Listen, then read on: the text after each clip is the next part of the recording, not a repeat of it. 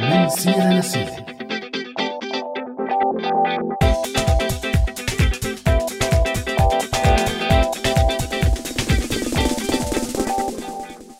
وسهلا فيكم بحلقة جديدة من برنامجنا من سيرة لسيرة. نتمنى كل الأوقات السعيدة لكم مستمعي راديو سوريالي بكل مكان بالعالم. وأنا كمان من جهتي برحب بكل يلي عم يسمعنا بهي الحلقة ويلي رح نحكي فيها عن ثقافة الموسيقى والأكل. فالتنقلات يلي تعرضنا لها خلال السنوات الماضية رح تترك أثر علينا بكتير من الشغلات ونحن كمان رح نترك أثرنا عليها. ومن هي الشغلات يلي غيرنا فيها وغيرت فينا أكيد شغلتين كتير أساسيات ويلي هنن الأكل والموسيقى. فعدد من الموسيقيين يلي تغربوا ولجأوا كتير كبير. وبنفس الوقت عدد كتير كبير من الطباخين وأصحاب الحرف تركوا بلادهم ليثبتوا حالهم ببلدان جديدة. ولأنه الأكل مهنه كتير ناجحه ولأنه المطبخ السوري لليوم ما كتير انتشر حول العالم كتير من الناس هن طباخين بالفطرة وقرروا يفوتوا بهذا الكار وهيك بلشوا رحلة جديدة وبالحقيقة فعلا الأكل هو واحد من أهم المكونات الثقافية. ومن أكثر المكونات الثقافية يلي عم تشهد انتشار ونجاح اليوم كمان بالعالم هي الموسيقى مشان هيك اليوم مستضيفين ضيفة كتير مميزة هي المغنية رشا رزق. أنتم معنا على هوا راديو سوريالي. إذا حبيتوا الموضوع تعوا معنا بهي الحلقة عن الموسيقى والأكل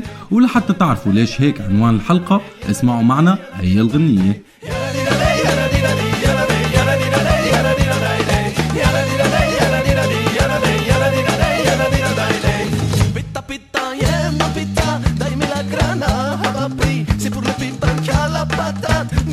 y'a plus qu'un radis Voilà dans mes jabs j'ai que dalle بالا بالا ما فرمون کزدل جیره پاوز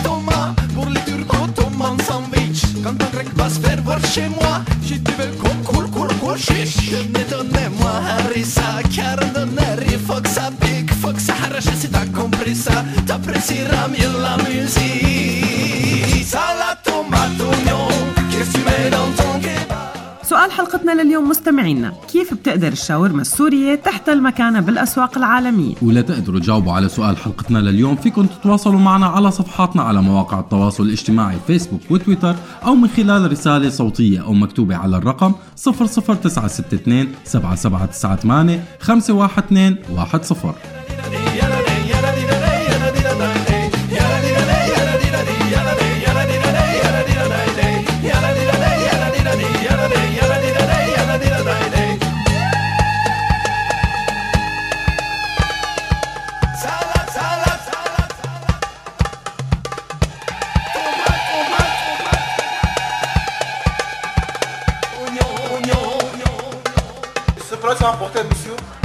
raconter des salades. Si tu restes sur place que nenni Si c'est la cuisine de nomades, c'est mieux l'emporter sur la vie Des Balkans Nord-Africains, du Moyen-Orient à Paris. On tapine pas pour les gros McDonald's au pays du kebab uni. Salade tomate oignon,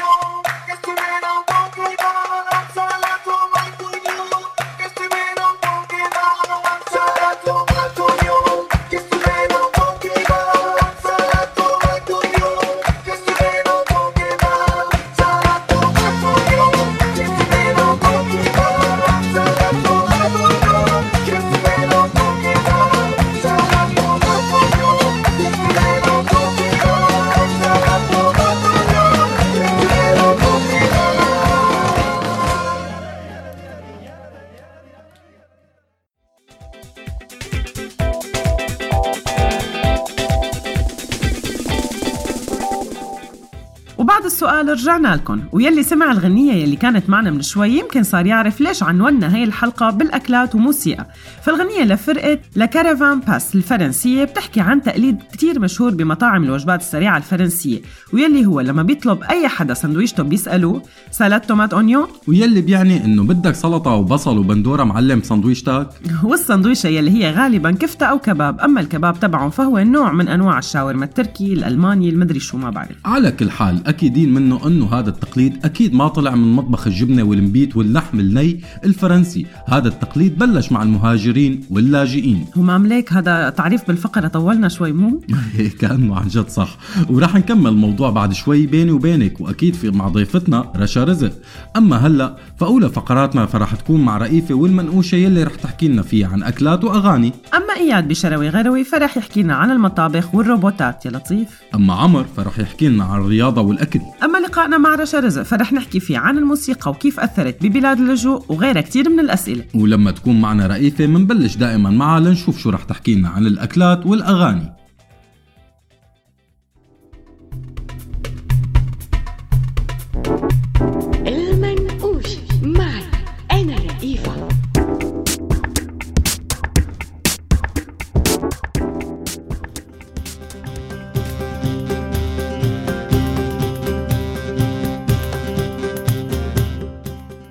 أكلات بغنية؟ إيه والله. يعني الذكريات تبعنا أغلبها يا طعمات يا روايح يا موسيقى. دخلكن مين صار معه هيك من قبل؟ إنه بتسمع لحن غنية فيلم آيس كريم في ديسمبر. آيس كريم في جليم. وهوب منروح دغري على سنة 1992 وخود على ذكريات. من وقفات الشباب على مدارس البنات لفتلات الجناين. ومنتذكر على السريع كل أنواع السيارات يلي عم بتشفط وتحط هي الأغاني. وبثواني بيتحول البني آدم لمراهق وهو عم بيسمع هي الغنية أو بيجوز أصغر أو أكبر حسب العمر يلي سمع فيه الغنية. من جهة تانية بتكون ماشي بالطريق بأمان الله بأي مدينة من مدننا الحالية بعد اللجوء. وإذ في أم سورية شارية سمنة البقرة من موزع سوري وعم بتطش هالسمنة فوق البهارات. يلي جايبتن من الزرزور شخصي. فجأة بتتحسن كل الحواس عندك بما فيها السمع عزيزي المستمع وبتسمع صوت طشة السمنة على اللوز وبتسمع كيف عم بيبقبق اللبن وبتتحسن مخيلتك فبتصير بتقدر تتخيل كيف هالخليط الجميل من الطحينة واللبن والثوم والليمون عم بيتفاعلوا وعم بيبلش ينزل بهدوء رومانسي على الخبز يلي تحت الطشة بتشوف خضر البقدونس بعينك وأحمر حبات الرمان. كأنه ببرنامج عم بيتصور هلأ بكاميرا 4K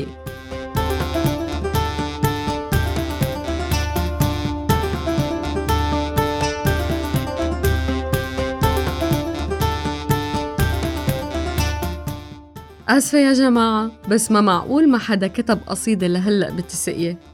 وهون بدي أحكي عن منعكس تاني من منعكسات بافلوف يلي هو منعكس الذكريات. فبتتذكر أول هريبة من المدرسة وأنت طالع بطلعة الشيخ محي الدين وجوعان جوعان وبتشم الريحة جاية من محلات الفول والحمص يلي هنيك. أما عن الطعمات والمخيلة والمنعكسات الشرطية وغير الشرطية. فممكن كيس آيس يرجعك طفل ويمكن سمسمية بسكر تاخدك على شوارع درعا وحلب والشام. ويمكن رفيق عامل حلاوة بجبن تاخدك على حمص وحما وحبة برازق أو غريبة تذكرك بكل طقوس العيد.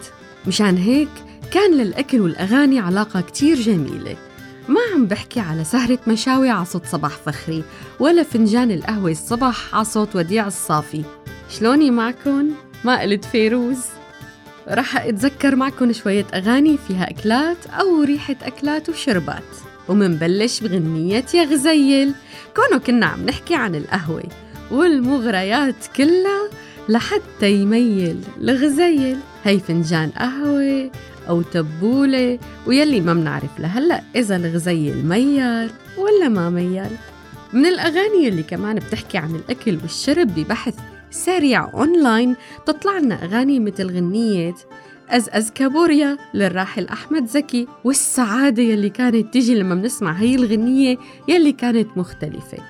وعلى الرغم من الانتقادات للفيلم ولزكي بس تحولت لكلاسيكيات البوب العربي إذا فينا نقول.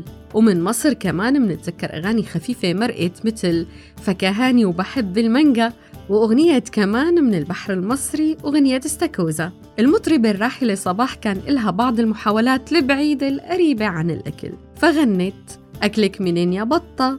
وعلى البساطة البساطة ومن المقاربات عن الأكل كان إلها غنيات زي العسل ويا عسل دلع ويلي بيشوف كليبات أغنية صباح على اليوتيوب كمان بغنية من الموسكي لسوق الحميدية. ما بيشوف غير صور أكل وبهارات. وإذا بدنا نتذكر الأغاني الملتزمة حسب التسمية القديمة لهذا النوع من الأغاني فمنتذكر مارسيل خليفة بحن لخبز أمه وقهوة أمه مدري أم محمود درويش. أما عصام رجي فبيشبه السمرة بالتمر الهندي وبيأكد لمحبوبته أنه التمر الهندي أطيب مشروب عنده. أيمن زبيب فعرق ما بيشرب ولا ويسكي ولا تكيلا تخيلوا من ثقافتنا الشعبية تحضر غنية يا قضامة مغبرة ويا قضامة ناعمة. أما ياسر العظمي فكان عنده تجارب بهذا النوع لساتها حاضرة بالذهن. فمن كبة حلبية يلي جاي عباله من مسلسل مرايا بسنة ال 84 ويلي حققت نجاح كبير واللي أتبعها العظمة بسنة 86 بغنية فلافل طعمينا وشوي لغالينا بس ما كان إلها نفس الوقع والنجاح. أما أطفالنا فلذات أكبادنا فما شبعوا أكل بس شبعوا أغاني عن الأكل لأنه كل الأهل بيعرفوا قديش صعب إنه الطفل يأكل. بدها مو غنية بدها musical من هوليوود.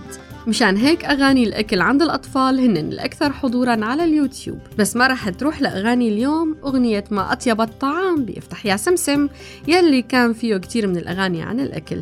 طولت الفقرة يمكن شوي بس آخر شي بدي أختم بغنية كنت مفكرتها عن الأكل ويمكن في غيري كان مفكرة عن الأكل بعدين اكتشفت إنه ما دخل الأكل بالموضوع واللي هي غنية تفتة هندي. يمكن لأنه الأكل دائما بيشغل بالي فكنت أسمعها كفتة هندي.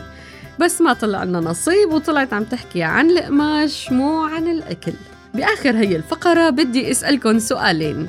الأول شو الأغاني التانية يلي بتحكي عن الأكل كان ممكن نتذكرها اليوم بالمنقوشة؟ والسؤال الثاني قديش تذكرتوا ذكريات مع كل غنية ذكرناها اليوم؟ كنت معكم أنا رئيفة بالمنقوشة.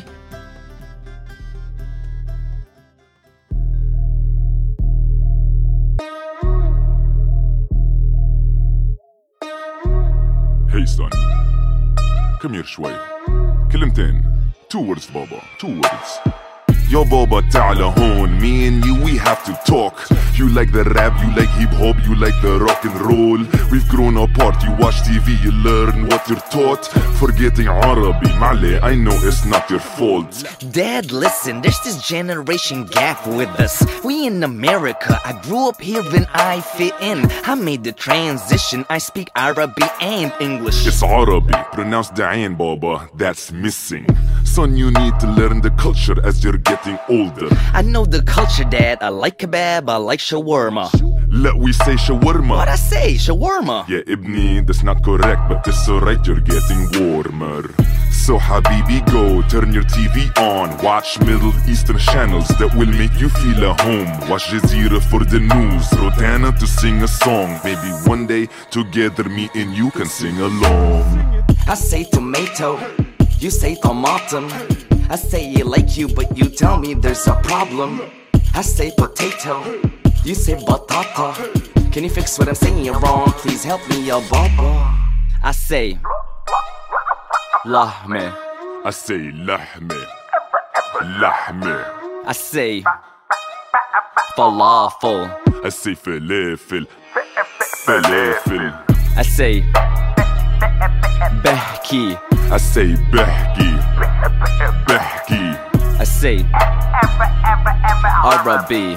I say Arabi. Arabi.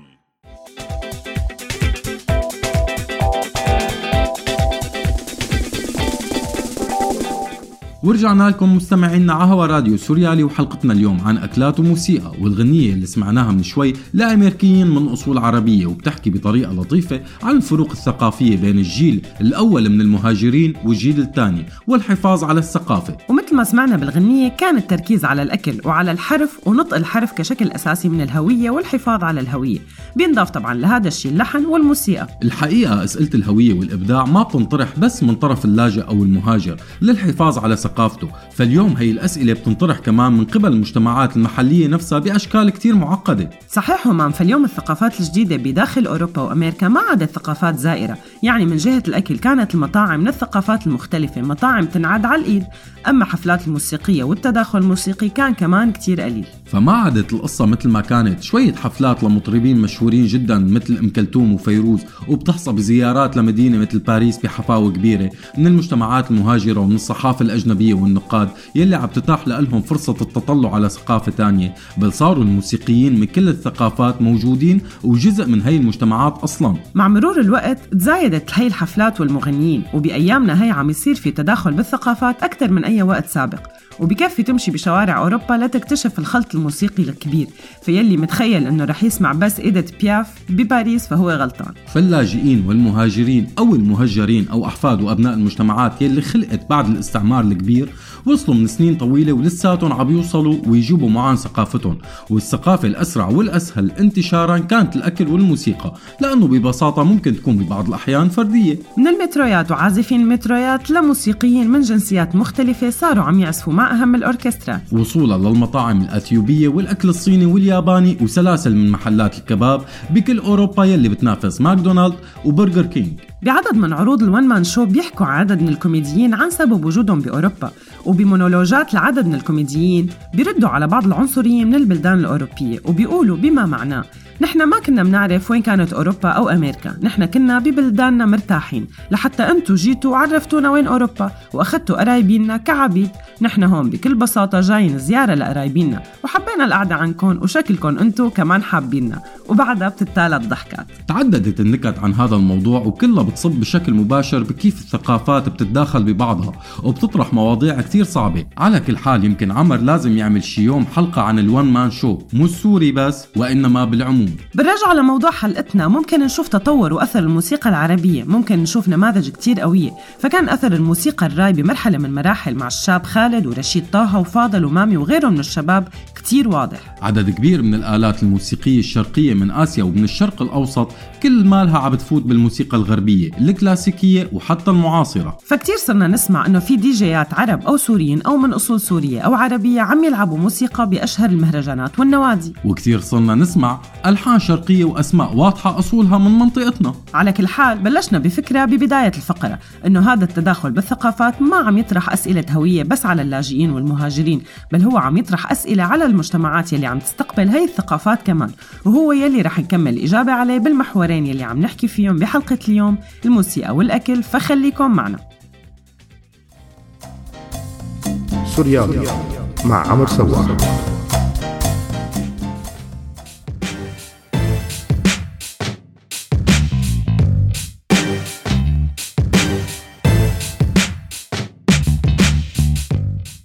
مرحبا بفقرة جديدة من سورياضي أنا عمر. عزة وهمام حكوا كتير عن الموسيقى والأكل كثقافة فأنا غرت وقررت أحكي عن ثقافة تانية واللي هي الرياضة. رح أحكي عن الرياضة واللجوء والتغيير اللي ممكن تعمله ورح بلش بالحكي عن فريق FC لامبدوزا المؤلف بشكل كامل من طالبي لجوء ولاجئين.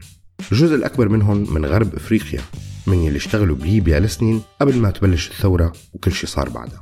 بعد ما هربوا وصلوا لجزيرة لامبدوزا الإيطالية وهنيك عاشوا بمخيمات بمولها الاتحاد الأوروبي. بعد ما وقف التمويل أعطت السلطات الإيطالية للاجئين تصاريح إقامة ومبلغ صغير. ومن هنيك وصل 300 من هدول اللاجئين لهامبورغ بسنة 2012 بس بعد فترة طلبت منهم الحكومة المحلية بهامبورغ إنه يرجعوا على إيطاليا. بس اللاجئين رفضوا. من هون بلش شعار النادي بالإنجليزي here to stay here to play. اللي بيعني هنا لنبقى هنا لنلعب.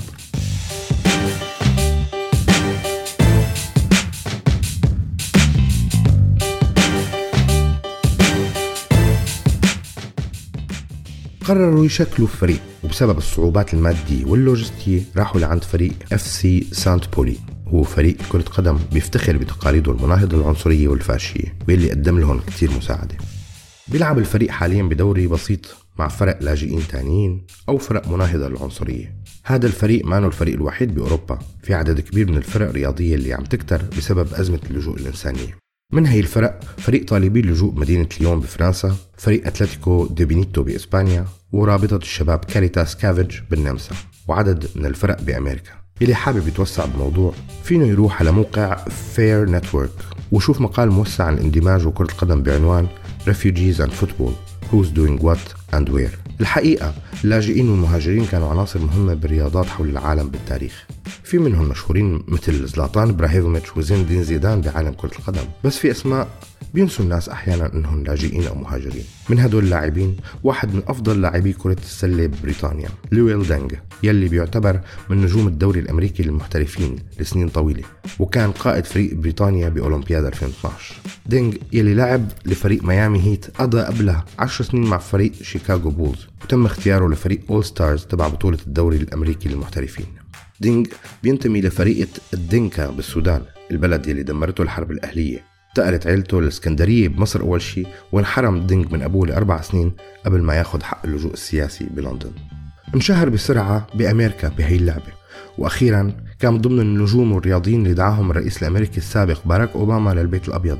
أوباما اللي دائما بيحاول التعريف بهدول اللاعبين ودعمه. في اسم تاني هرب من جنوب السودان جور ميدينج ميكر يلي صار من العدائين معروفين اليوم كمان. تجربته وحكايته بتخلي في أمل عند كتير من الهربانين من الحروب والنزاعات. من الأسماء يلي لازم نذكرها سعيدو براهينو مهاجم وسهام بروميتش اللي هرب مع أهله من الحرب الأهلية البروندية وصل لإنجلترا بعمر عشر سنين وقدر يحقق ذاته بعدين. آخر الأسماء يلي لازم نذكرها مو فرح يلي كمان هرب مع عيلته من الحرب بالصومال وصار مواطن بريطاني وجاب عدد كبير من الميداليات الذهبية لبريطانيا.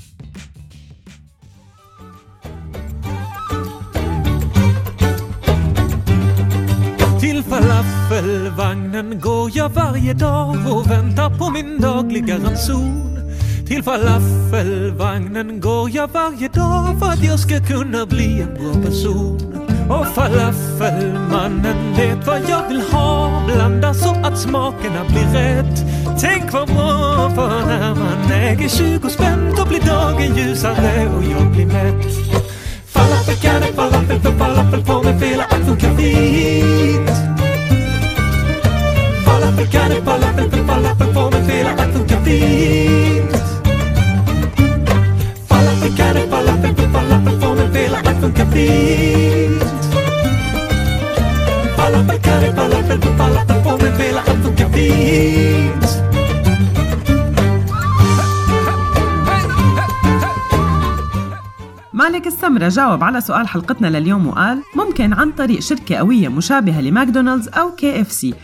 تتبنى الشاورما كوجبة رئيسية أما فادي ابن المرجك كمان كتب تعليق وقال فيه. بس بدها شوية تسويق وبتصير رقم واحد بأكلات الشارع. أصلا هي تفوقت على أقاربها من الدونالد التركي والتاكو المكسيكي والمميز بالشاورما السورية وخاصة الدجاج منها بعدم اعتمادها على الإضافات مثل البندورة والبصل والفليفلة يلي بتضرب طعمة البهارات فيها وبتخليها تصير يعني مثل ما تقولوا أكلة الكواج. إضافاتها كتير بسيطة هي بس صوص الثوم ومخلل الخيار يلي بيزيد طيابة مع خبز مشروح سوري ولدع على النار ويسقسقها ويسخنها وكول يا معلم. الله الله الله اشتهينا الشاورما. أما بيترا جود فيري فكتبت It's my daughter's favorite funka fint Falafel kan det falafel för falafel får mig Falafelmannens filial på Libanons i Malmö stad. Extra vitlök med remoulad, hummus halloumi gör mig glad. Chilla med auberginen plus glada minen den är med. Ny tillskott till husmanskost som även njuts av väster En gränsöverskridare, jag vet att du gillar det. Så varför ska vi finna fel i en levande oas? 20 spänn sitter fint, köar tills den blir min. Falafelstaden samlas till fest under extas. Shukran blandas med tagg, turken till en polack. Och svenskan blandat stark Habibi. För Habibi är falafelmannen bättre än Miri Du vet han är den som vandrat genom sanden törstig efter ayra Falafel kan det falafel för falafel får mig fel att funka Falafel kanske fint falafel, falafelmannen gör sin del. Falafel kan det falafel för falafel får mig fel att funka Falafel kanske fint falafel, falafelmannen gör sin del. Falafel kan det falafel för falafel får mig virra falafel mina fraser Falafel falafel för falafel får falafel mina fraser Falafel falafel för falafel får Falafel kanske falafel, falafel mannen gör sin del Falafel falafel för falafel får Falafel falafel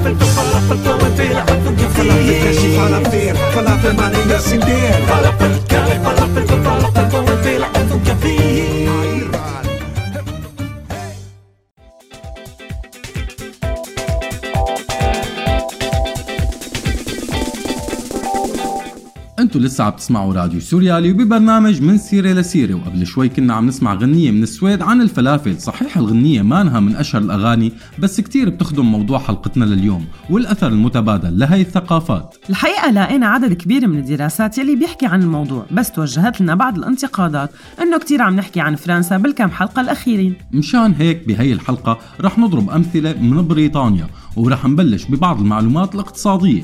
فبالحقيقة ببريطانيا يلي بتعتبر من الدول يلي بتخاف من الهجرة أو أثر اللجوء عليها ويلي ممكن تطلع من الاتحاد الأوروبي نتيجة هذا الخوف كانت بشكل أو بآخر مستفيدة من الهجرات. فللهجرة تأثير كبير على اقتصاد المملكة المتحدة وساعدت العمالة المهاجرة من الدول يلي كانت مسيطرة عليها بريطانيا بإعادة بناء البلاد بعد الحرب العالمية الثانية. وبسبب هاي الهجرات كمان قدرت بريطانيا تحافظ على خدمات النقل والصحة. فكان وجود هدول المهاجرين بقطاعات كتيرة من أجزاء كتيرة من العالم شغلة مهمة لبريطانيا ما بعد الحرب. ومن أهم هاي القطاعات طبعا كان المواصلات بالإضافة للطب والتمريض.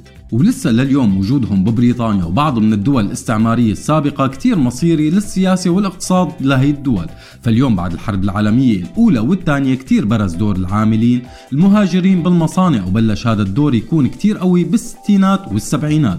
ولليوم كثير من الشركات اللي بتشتغل بمجال المطاعم والفنادق الهامة للاقتصاد البريطاني فيها كثافة عالية من العمال المهاجرين. الحقيقة دائما كان الرأي حول الهجرة موضوع بيقسم الرأي العام بالدول يلي عم يهاجروا الناس عليها وخاصة لما الموضوع بيتعلق بالاقتصاد. بس أغلب الدراسات بتصب بصالح الهجرة على الأقل اقتصاديا. فمن آخر الدراسات والأبحاث بال 2007 منلاقي تقرير حكومي أنه اقتصاد المملكة المتحدة كسب 6 مليار جنيه استرليني بسبب الهجرة. وبسنة 2009 وصلت دراسة عملتها جامعة كوليدج لندن أن المهاجرين قدموا مساهمة كبيرة للاقتصاد ودفعوا ضرائب أكثر مما حصلوا عليه من المساعدات. وبال 2012 حكى تقرير للمعهد الوطني للبحوث الاقتصادية والاجتماعية إنه الهجرة والبطالة شغلتين مانن مرتبطين ببعض، هلأ للحقيقة النقطة يلي بيرك عليها الناس ويلي بيوقفوا مع حرية حركة ناس بالاتحاد الأوروبي بتقول إنه الطفرة الاقتصادية بأوائل العقد الأول من القرن العشرين كانت بشكل جزئي بسبب العمال المهاجرين يلي اشتغلوا بوظائف منخفضة الأجر بقطاع الخدمات. وبيكمل التقرير وبيقول إنه هدول الأشخاص دفعوا ضرائب بكثير من المجالات منها لدعم رعاية السكان متقدمين بالسن.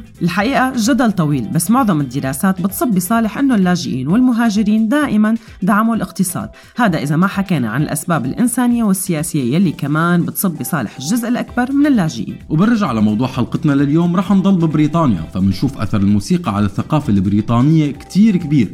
فمن الموسيقى الجامايكية وأثرها الكبير على الموسيقى الشعبية لموسيقى الروك وأنواع كتير من الموسيقى والرقص. ولليوم فينا نشوف أثر الهجرات على الموسيقى ال house وال electric music. وبمقالات تانية بنقرأ كتير من الكلام عن أثر الموسيقيين المشردين من المهاجرين بشوارع بريطانيا على المشهد الموسيقي الحالي. ومن موضوع الموسيقى منروح للأكل. فمن كباب الدونر المشهور بأوروبا واللي بترجع أصوله لأتراك ألمانيا وبترجع شهرته وانتشاره لكل المهاجرين من شمال أفريقيا. ومنه منروح لدجاج التكا يلي من شهرته عمل لفة ورجع على سوريا بأوائل 2000 المهم بنقرا بتقرير على بي بي سي أنه معظم المطاعم المشهورة ببريطانيا هي مطاعم مهاجرة. وبيذكر المقال معكرونة البولونيز الإيطالية مرورا بالباجيت الفرنسي وأنواع الخبز من كل الدول يلي عم تنوجد على طاولات البريطانيين. تبنت بريطانيا وكل أوروبا تقريبا الأكل يلي جابوه المهاجرين لبلدانهم الجديدة. وحتى المدن الصغيرة يلي ما في بمجتمعاتها أقليات أكيد رح نلاقي فيها مطاعم صينية ومطاعم إيطالية أو بنغالية. وإذا ما لقينا ولا واحد من هدول ما رح نلاقي ماكدونالد بس أكيد أكيد رح نلاقي محل كباب دونر. مشان ما نغرق بتفاصيل أكل بنرجع للفنون وأثر الفنانين بالثقافة. فبعام 2012 صمم تمثال حديقة لندن الأولمبية نحات بريطاني من أصول هندية اسمه أنيش كابور. وبسنة 2014 نال ستيف ماكوين المخرج وصانع أفلام البريطاني من أصول إفريقية جائزة أحسن فيلم. وبال 2015 فازت البنغلادشية المسلمة نادية حسين بالبرنامج البريطاني الأكثر مشاهدة على التلفزيون عن الخبز ويلي اسمه طرق صناعة العجين ويلي عملت كعكة ليمون إنجليزية تقليدية أحسن من الإنجليز. والملاحظ أنه اثنين من أصل ثلاثة من المشتركين بهذا البرنامج كانوا من أصول غير إنجليزية وتفوقوا على نظرائهم من الإنجليز بطبخات إنجليزية. على كل حال عن الطبخ والاكتشافات الجديدة رح يحكي لنا أكثر زميلنا إياد كلاس بفقرتنا الجاية شروي غروي. شروي غروي معي أنا إياد كلاس.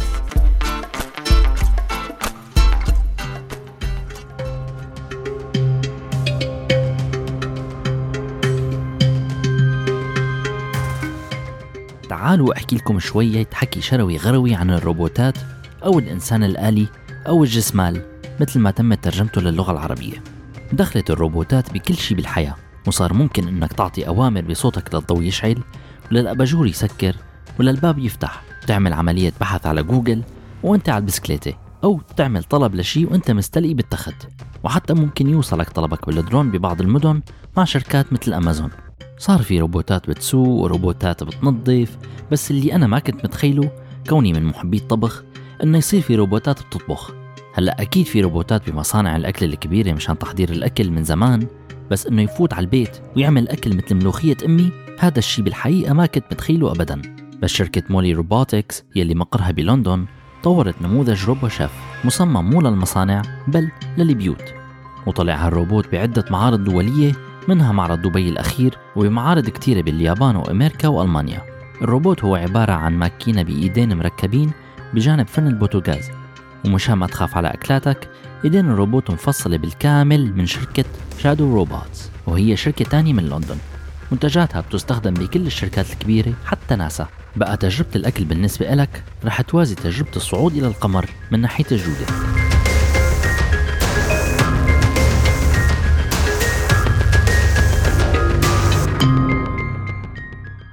هذا الروبوت بدل ما يطبخ مثل الآلة بيشتغل بنظام متطور فبيسجل تصرفات الإنسان أول شيء بعدين بيحولها وبيبرمجها لحركات للروبوت يعني باستخدام الذكاء الصنعي ولتطمنوا كمان درب هذا الروبوت الشيف العالمي تيم أندرسون يعني بكلمات تانية أكلة ثلاث نجوم ميشلان وحسب موقع Moley فالشركة كان عندها طموح إنه يصير متاح للاستهلاك بالسوق بحلول سنة 2017 بس الحقيقة ما صار هذا الشيء والموعد البديل صار نهاية سنة 2019 هذا الروبوت رح يقدر يعمل آلاف الوصفات وأكيد ما رح يطبخ لك الروبوت مشان أنت تروح تجلي وتضب. مشان هيك رح تستمتع مع هذا الروبوت بغسالة الصحون وملحقاته. لأنه مثل ما بلشنا الفقرة ونحن عم نحكي كيف ممكن تطلب أغراض البيت على الطريق فهو كمان ممكن عن طريق تطبيق على الموبايل إنك تطلب ويحضر لك الأكلات وأنت على الطريق. والحلو أكثر بهذا الروبوت إنه سهل تعليمه الأكلات وتحميلها على مكتبة أكلاتك الخاصة. ويمكن إذا بدك كمان تشاركها مع أصدقائك وروبوتاتهم بعدين مثل ما بتشارك الأغاني على يوتيوب وواتساب. أما عن الأسعار تبع هذا الروبوت فخليني ساكت أحسن.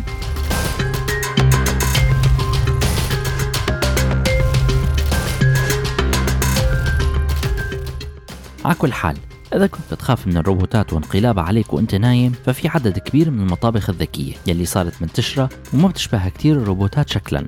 في مثلا الفرن مع ميزان الحرارة الذكي من أمازون واللي بيقول لك درجة حرارة الأكل الأضبط للأكلات ممكن يكون موصول على هاتفك وتضل عم تتابع من بعيد شو عم يصير بالطبخة.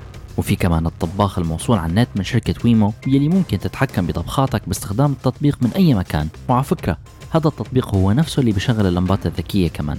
ومن البرمجيات والروبوتات اللي كمان عم تنباع بيومنا الحالي في الشوى الذكي. وآلة ذكية مشان تعمل لك قهوة إذا كنت يا أما مشغول يا أما كسلان ومانك قدران تلاقي وقت تعمل قهوة بالشكل التقليدي. وكتير من هالأجهزة ممكن تتحول لمنبه متكامل مشان يفيقك الصبح فبتفيق مع الموسيقى المفضلة تبعك جاية من المطبخ وبتفوت على المطبخ لتلاقي قهوتك جاهزة وخبزاتك سخنين.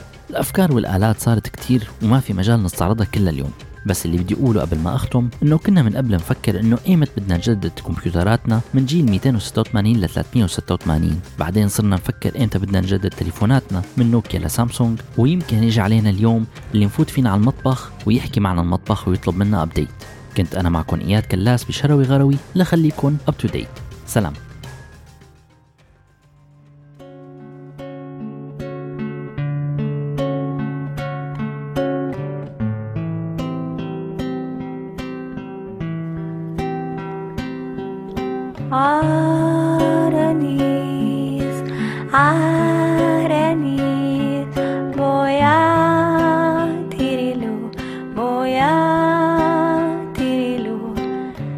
Aranis, Aranis, Aranis, Aranis, Aranis, Aranis, boya tirilu, boya tirilu. Aranis, Aranis, boya tirilu, boya tirilu. عرانيس، عرانيس، عرانيس، عرانيس، عرانيس، عرانيس، بويا تريلو، بويا تريلو. تعال نركب أوتوبيس دورة متحف كورنيش بويا تريلو بويا تريلو قرب عالطيب قرب لمسة شفاف جرب بويا بويا تريلو عالسكين يا بطيخ ترمس ترمس عرانيس بويا تيلو بويا تيلو كله نضيف كله نحيف كله مهفهف كله لطيف يا لطيف تتلطف بالصبايا يا لطيف يا لطيف. ارجو مرش سوق فرنش تاكسيات بتكرش كاش. كله نضيف كله خلنش والاسواق زي الشطرنج. نضيفة ظريفة زي التلج. فيها الشبان تتمايل والبنات بتغنوش غنج. كله نضيف كله نحيف. كله مهفهف كله لطيف.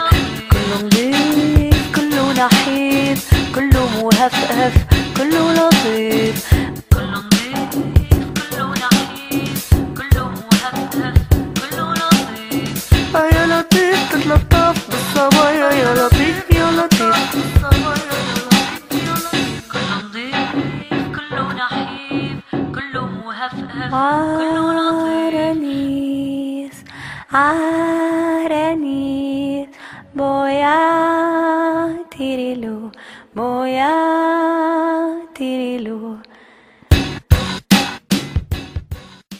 صديق الراديو هافال بوزو كمان كان عنده رأي اليوم بخصوص الشاورما وقال أول وأهم قصة أنهم يرخصوا أسعارهم شوي.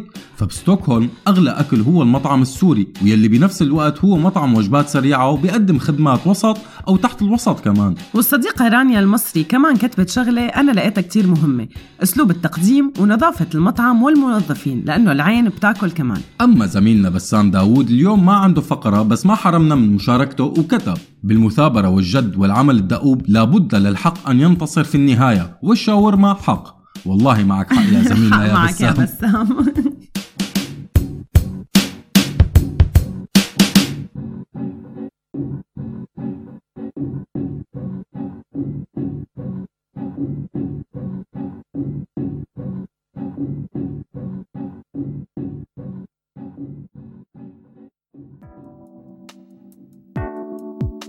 شو قولك؟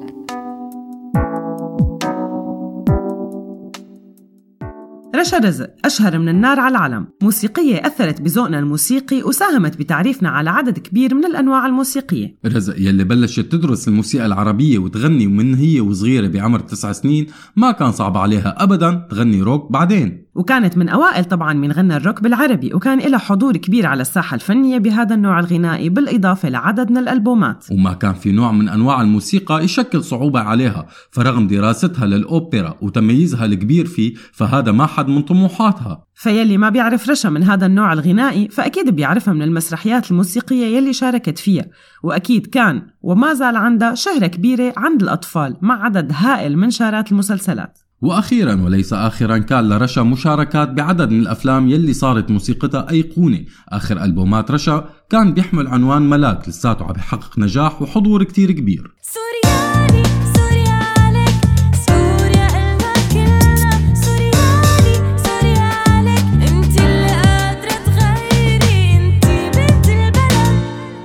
أهلا وسهلا فيك المغنية السورية رشا رزق. ضيفة عزيزة ببرنامج من سيرة لسيرة على هوا راديو سوريالي. طبعا آه، رشا نحن قلنا لك مجازا ضيفة ولا أنت يعني أكيد من أهل البيت ومن عائلة سوريالي. فأهلا وسهلا فيكي شكرا شكرا لكم. إيه طبعا شكرا. أنا أنا أنا بعتز يعني يكون من عائلة سوريالي. ونحن أكيد كثير بنعتز بوجودك معنا رشا. أه قبل ما نفوت بموضوع الحلقة مباشرة حابين نسألك كيف شايفة ردود فعل العالم على ألبوم ملاك لهلأ؟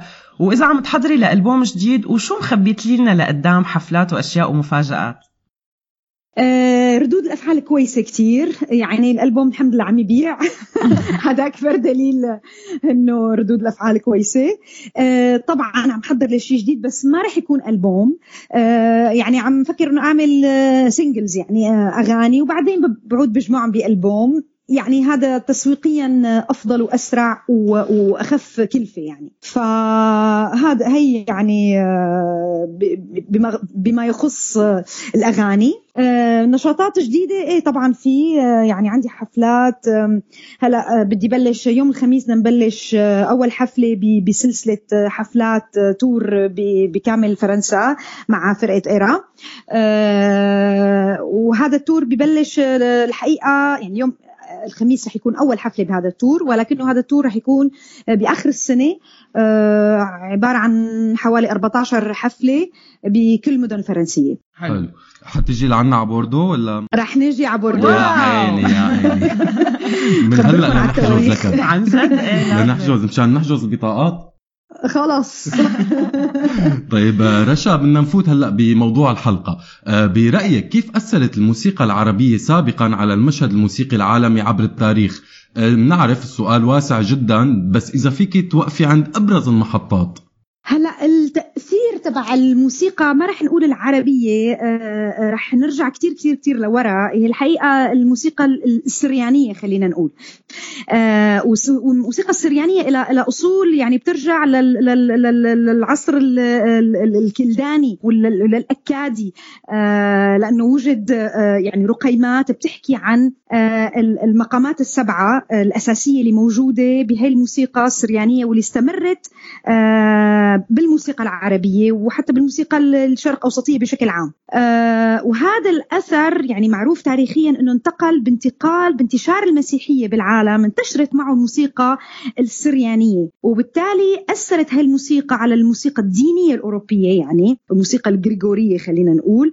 آه، ومن هون كان أثر آه، الموسيقى الشرق أوسطية ما رح أقول العربية رح أقول الشرق أوسطية على الموسيقى بأوروبا وبالتالي يعني بعدين بالعالم.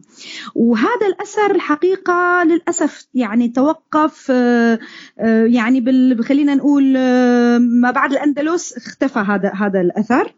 واللي بنسمعه أكيد يعني بالموسيقى الفلامينكو الإسبانية لهلا بنسمع هذا الأثر العربي خلينا نقول بالموسيقى الأوروبية. وتوقف هذا الشيء. والحقيقة مثل الموسيقى مثل أي شيء بالدنيا يعني آه، آه، آه، هي ثقافة وانتشارها يعتمد على قوة ثقافة الحضاره المعينة. فهي كل ما كانت هالدولة عظيمة وقوية ومسيطرة آه، آه، بثقافتها وبتطورها العلمي والتقني والتكنولوجي والثقافي بشكل عام. فهي بالتالي بتأثر كمان الموسيقى تبعيتها كمان بتطبع الموسيقى العالمية. مثل الشيء اللي عم نعيشه نحن اليوم بالموسيقى الانجلو ساكسونيه الأمريكية اللي هي غالبا هي مسيطرة على المشهد الموسيقي يعني بالعالم. بسبب أكيد قوة الدول الأولى العالم الغربي الأوروبي آه، الأمريكي آه، على العالم وسيطرته آه، ثقافيا وتكنولوجيا ولأنه لأنه الموسيقى ما فيك تفصلها عن الثقافة العامة بشكل عام. فالأثر الموسيقى العربية أكيد متوقف من القرون الوسطى للأسف على العالم. اليوم ما فينا نحكي على أثر موسيقى عربية بالعالم لأنه بنشوف العكس. نحن بنشوف أثر الموسيقى الغربية علينا وليس العكس. يعني نحن بنضلنا نعتبر موسيقى آه، شعوب موسيقى إثنية. آه، ما بتتجاوز آه، هذا الشيء ما بتقدر إنه هي تطغى على المشهد الموسيقي البوب العالمي يعني. طب رشا هل فينا نقول إنه ما عاد في حدود للموسيقات بين بعضها؟ لأنه كل ما عم تتداخل مع بعضها والتداخل عم يزيد. يعني في اليوم حتى أنواع تداخل آلات موسيقية ما كنا متعودين نسمعها مع بعض. هاي يعني هذا طبعا هذا شيء موجود وهذا شيء حر يعني يعني الموسيقي حر يعمل اللي بده إياه. آه، يجيب الآلة اللي بده إياها يدخلها واللحن اللي بده اياه هذا هذا بيعود يعني أمر آه، شخصي آه، متعلق بذوق الموسيقي وبحريته بالتعبير. طبعا هذا متواجد أكيد يعني بكل العالم حتما. يعني هل فينا نقول إنه صارت أطر الموسيقى بشكلها الكلاسيكي مفتوحة أكثر فينا نقول مثلا؟ بشكل الكلاسيكي لا لأنه أنت طالما قلت كلاسيكي معناته نحن خلص حطينا حالنا ب ب ب بقيود ال- ال- النمط الكلاسيكي. آه، عرفت كيف؟ آه الكلاسيكي هو كلاسيكي هو اسمه كلاسيكي. آه أما بس نحكي على على يعني موسيقى جديدة فأي موسيقي بيقدر يعمل يلي بده إياه. هذا بيعود خياره الشخصي يعني هو عنده الحرية. الموسيقى تسمح بهي بهذا النوع من الحرية. يعني آه، فيك تستعمل الآلة يلي بدك إياها النغم يلي بدك إياه آه، وطبعا أكيد كله لازم يكون يعني بيتبع قواعد ال ال ال آه، يعني الموسيقية لأنه نكون شيء ينسمع يعني شيء يكون مثلا نشاز أو شيء يعني وبالنهاية حتى هذا الموضوع بيعود إلى ذوق الموسيقي بيعود كمان إلى تقبل المتلقي يعني هاي الأمور آم، كتير عوامل بتلعب فيها لأنه الموسيقى دائما بدك موسيقي وبدك آه، آه، جمهور. دائما هي تعتمد يعني هذا فن بده it takes two يعني مثل ما بيقولوا. ما مثل ما بتقول تينا تيرنر it takes two. يعني هي بدها دائما متلقي ومنتج ومتلقي. فهن هدول الطرفين اللي بيحددوا إذا هذا المنتج أو هاي هاي الرسالة الموسيقية وصلت للآخر أو ما أو أو أو ما وصلت تقبلها أو رفضها أو آه، هو بيحدد ردة فعله يعني. فأكيد الموسيقي عنده حرية يعمل اللي بده إياه وبعدين آه، بيعود بقى المتلقي هو بي بي بيقرر إذا هو يعني حب هذا الشيء أو ما حبه يعني. حلو. طيب رشا مع الهجرات واللجوء بالعموم يعني مو بس المشهد السوري. كيف برأيك عم يتأثر المشهد الموسيقي بأوروبا وبالعالم؟ هلا يعني آه، هلا بكير نحكي عن هذا الموضوع لأنه لسه نحن بعدنا يعني آه، يعني هلا الهجرة أكيد موجودة دائما. هي من من يعني آه، بعمر التاريخ الإنسان آه، آه، آه، الكائن البشري بيهاجر من بلد لبلد ومن أرض لأرض آه، وبيأخذ معه ثقافته. آه، وبيطبع الآخر وبينطبع بالآخر. آه، هذا الشيء موجود بالعالم كله. يعني آه، خلينا ناخذ مثال كتير مهم مثلا إنه آه، بعد آه، الحربين العالميات بأوروبا آه، الموسيقيين الروس والموسيقيين الطليان آه، اللي اللي اللي والإيرلنديين اللي راحوا على أمريكا آه وفي منهم موسيقيين كتير كتير كبار يعني أسماء كتير كبيرة بعالم الموسيقى الكلاسيكية الروسية وال وال وال والإيطالية. كلهم هدول سافروا على أمريكا هروبا من آه، الحرب. آه، هدول الأشخاص أثروا بشكل كبير على موسيقى الأفلام الأمريكية وكانت السينما الأمريكية بأوج يعني صعودها. آه، وبالتالي ال- الموسيقات العظيمة ال- الجميلة اللي بنشوفها والأوركسترات الضخمة اللي بنشوفها بال- بالأفلام ال- الأمريكية اللي هي حاليا يعني من من من أجمل يعني آه، آه، آه، آه، الأعمال الموسيقية اللي فينا بنحبها كلنا يعني الأفلام العظيمة الكبيرة. هذا الشيء مرجوعه إلى الهجرة. وبالتالي آه، آه، آه، هذا الشيء ما فينا ما فينا ننكره وفينا نطبقه على كل أنواع الهجرات منها مثلا الشيء اللي اليوم عم نعيشه نحن بعد ال- الربيع العربي هجرة ال- المثقفين والموسيقيين والشباب إلى أوروبا وإلى كل أنحاء العالم. أكيد هن كمان عم يحملوا معهم مخزونهم الثقافي. وهذا مع الوقت حتما حتما رح يطبع ال- الموسيقى تبع بلاد المهجر خلينا نقول. طيب رشا مثل ما عم بتقولي انه إنه ال- العالم دائما من من من على مر التاريخ متعودة على الهجرات وعلى نقل ثقافتها معها لوين ما راحت. وجزء طبعاً. من هي الثقافة مثل ما بنعرف هو الأكل. طبعا. تماما. طبعاً. طيب آه، ما بقى هلأ سؤالنا جزء لك مهم. آه، ما بعرف إذا سمعتي الأغاني اللي مرقوا معنا بالحلقة اليوم. سؤالنا لإلك. آه، برأيك هل أثر الموسيقى كثقافة على الثقافة الغربية كان أكبر من أثر الأكل كثقافة أو العكس؟ يعني الاثنين الاثنين. لأنه يعني الموسيقى آه، حاجة مثل ما الأكل حاجة. آه، يعني مثل ما عنا تم ياكل في عنا اذنين تسمع كمان. وهي حاجة عند أي شخص. آه، آه، طبعا يعني بتختلف من شخص لآخر. آه، في ناس تحتاج للموسيقى أكثر من أشخاص ثانيين يعني مثل ناس سميعة وناس وبنفس الوقت كمان أنماط الأكل. في ناس مثلا منفتحة على على ثقافة الآخر وعلى ثقافته ال ال ال يعني المطبخية خلينا نقول. وبالتالي هي يعني هذا الشيء أكيد بيلبي حاجته إذا هو بده يجرب أكل جديد وطعام جديد وهي كلها تندرج تحت آه، آه، بند آه، ثقافة الآخر. يعني موسيقته أدبه طبخه عاداته الاجتماعية لغته فنونه كلها هذا كله يندرج تحت بند الثقافة وبالتالي المهاجر اللي بياخذ معه كل هالجعبة هي الثقافية بكل أنماطها أكيد بده يوصل للآخر ويأثر وأكل وموسيقى وكل شيء. تمام. آه، رشا في عدد كبير من الكتب والأبحاث بيربطوا بين الأكل والثقافة. بكتاب ل... آه، بكتاب أفروديت لإيزابيل ليندي الربط بين الأكل والثقافة كتير كبير. أنت شخصيا كيف علاقتك بهذا الموضوع؟ يعني ما بعرف الحقيقة إذا في يعني شو الربط؟ آه، يعني آه، ما بعرف إذا في أبحاث آه، يعني علمية. أنا ما هذا الكتاب ما اطلعت عليه فما بعرف يعني شو كيف كيف آلية الربط هل يا ترى هي يعني شيء نفسي أو هي شيء عضوي؟ ما عندي فكرة الحقيقة. إذا الموسيقى بتساعد على بتسرع الهضم. ما عندي فكرة. لا ممكن الأكل ممكن الأكل يبعث لك الهام مثلا. ممكن إذا إيه مثلا إذا ممكن. ليش لا؟ ليش إذا لا. أكلتي منسف ملاحي مثلا شو ممكن يطلع معك؟ يمكن. يعني هي هي الفكرة أكيد إنه دائما الموسيقى آه، آه، انطباعها على كل شخص بيختلف من شخص لآخر. يعني نفس القطعة الموسيقية بتلاقيها عند شخص بتعني له شيء عند شخص آخر ممكن تعني له أي شيء ثاني أو شيء عكسه تماما. أغنية مثلا بتعني لشخص آه، إنه بتذكره بذكرى حلوة ممكن نفسها هي الأغنية تذكره بفراق مثلا شخص. يعني هذا بيختلف من شخص إلى آخر. والطعام ممكن نفس الشيء كمان يحمل ذكرى معينة. يعني ريحة أكلة معينة بتذكرنا بأماكن بتذكرنا بأشخاص. آه وهذا الشيء يعني حقيقي وكلنا بنعرفه وكلنا عايشينه. واكيد يعني آه آه له له مرجوع آه، نفسي يعني آه ما بدها يعني كثير أعمال عقلي يعني هذا الشيء نحن بنعرفه ونعيشه أي إنسان بيعرفه.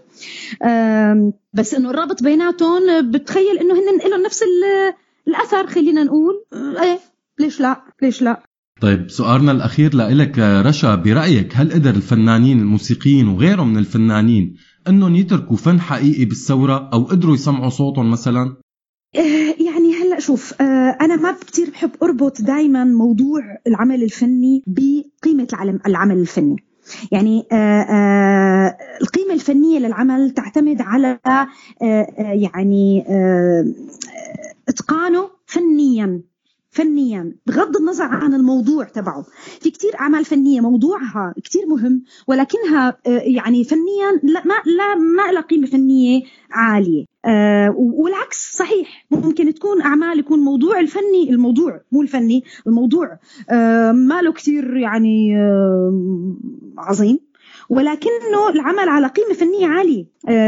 إن كان موسيقيا أو يعني مثلا دائما بشبهه هذا إنه لوحة فيها وجه جميل آه، ولوحة موضوعها مثلا وجه بشع.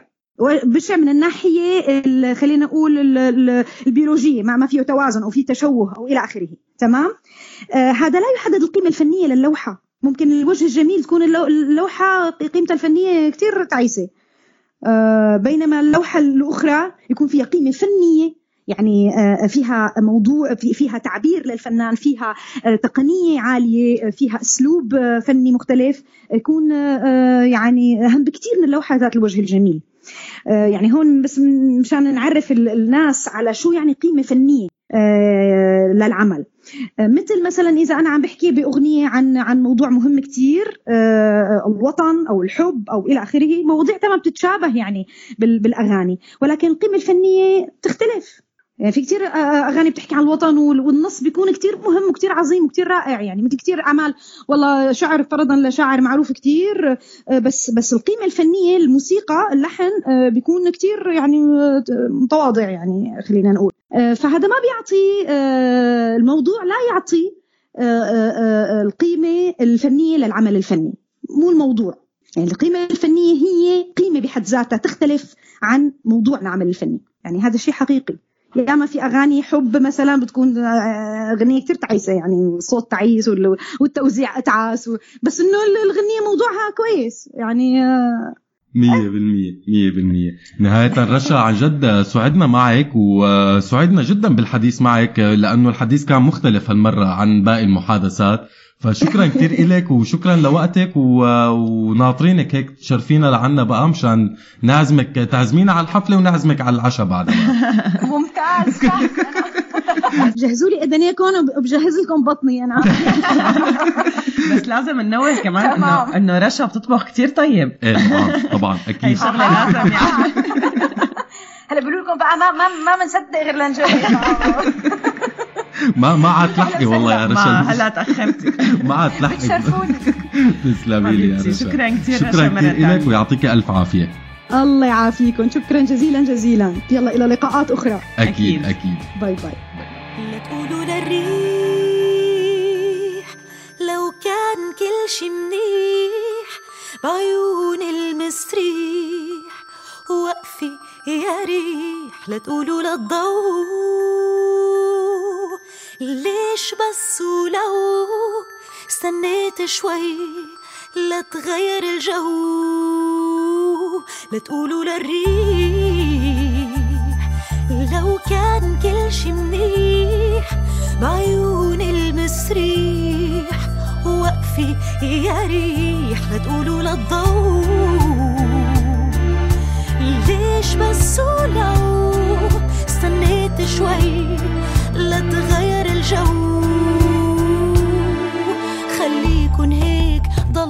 ضلوا خلوا كل شي بمحله والفكرة تضل فكرة. والله يعيشنا لبكرة.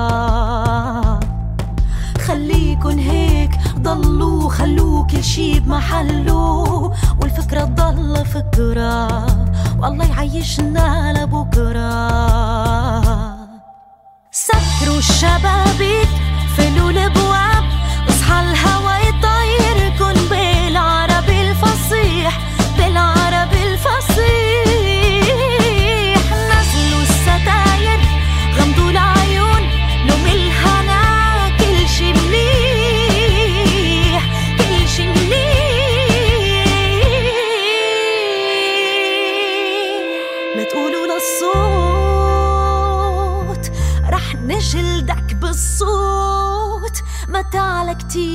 كتير معنا كبير. لا تقولوا للشمس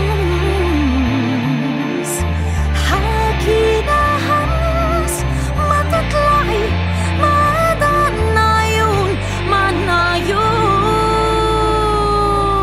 خليكن هيك. ضلوا خلوا كل شي بمحله. والفكرة ضل فكرة. والله يعيشنا لبكرة. خليكن هيك ضلوا خلوا كل شي بمحله خليها الفكرة فكرة والله يعيشنا لبكرة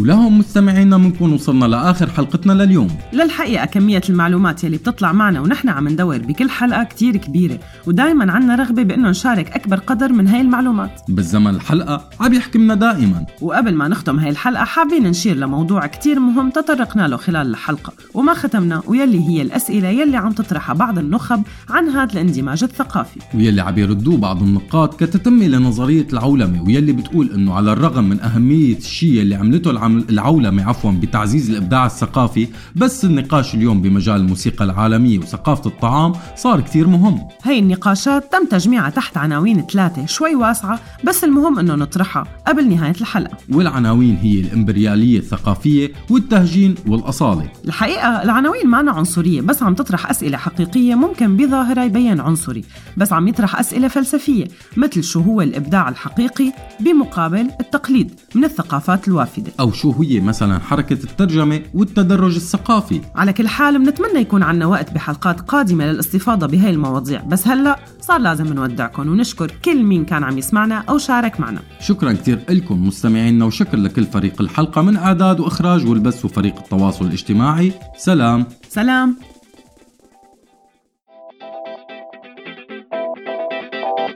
من سيرة لسيرة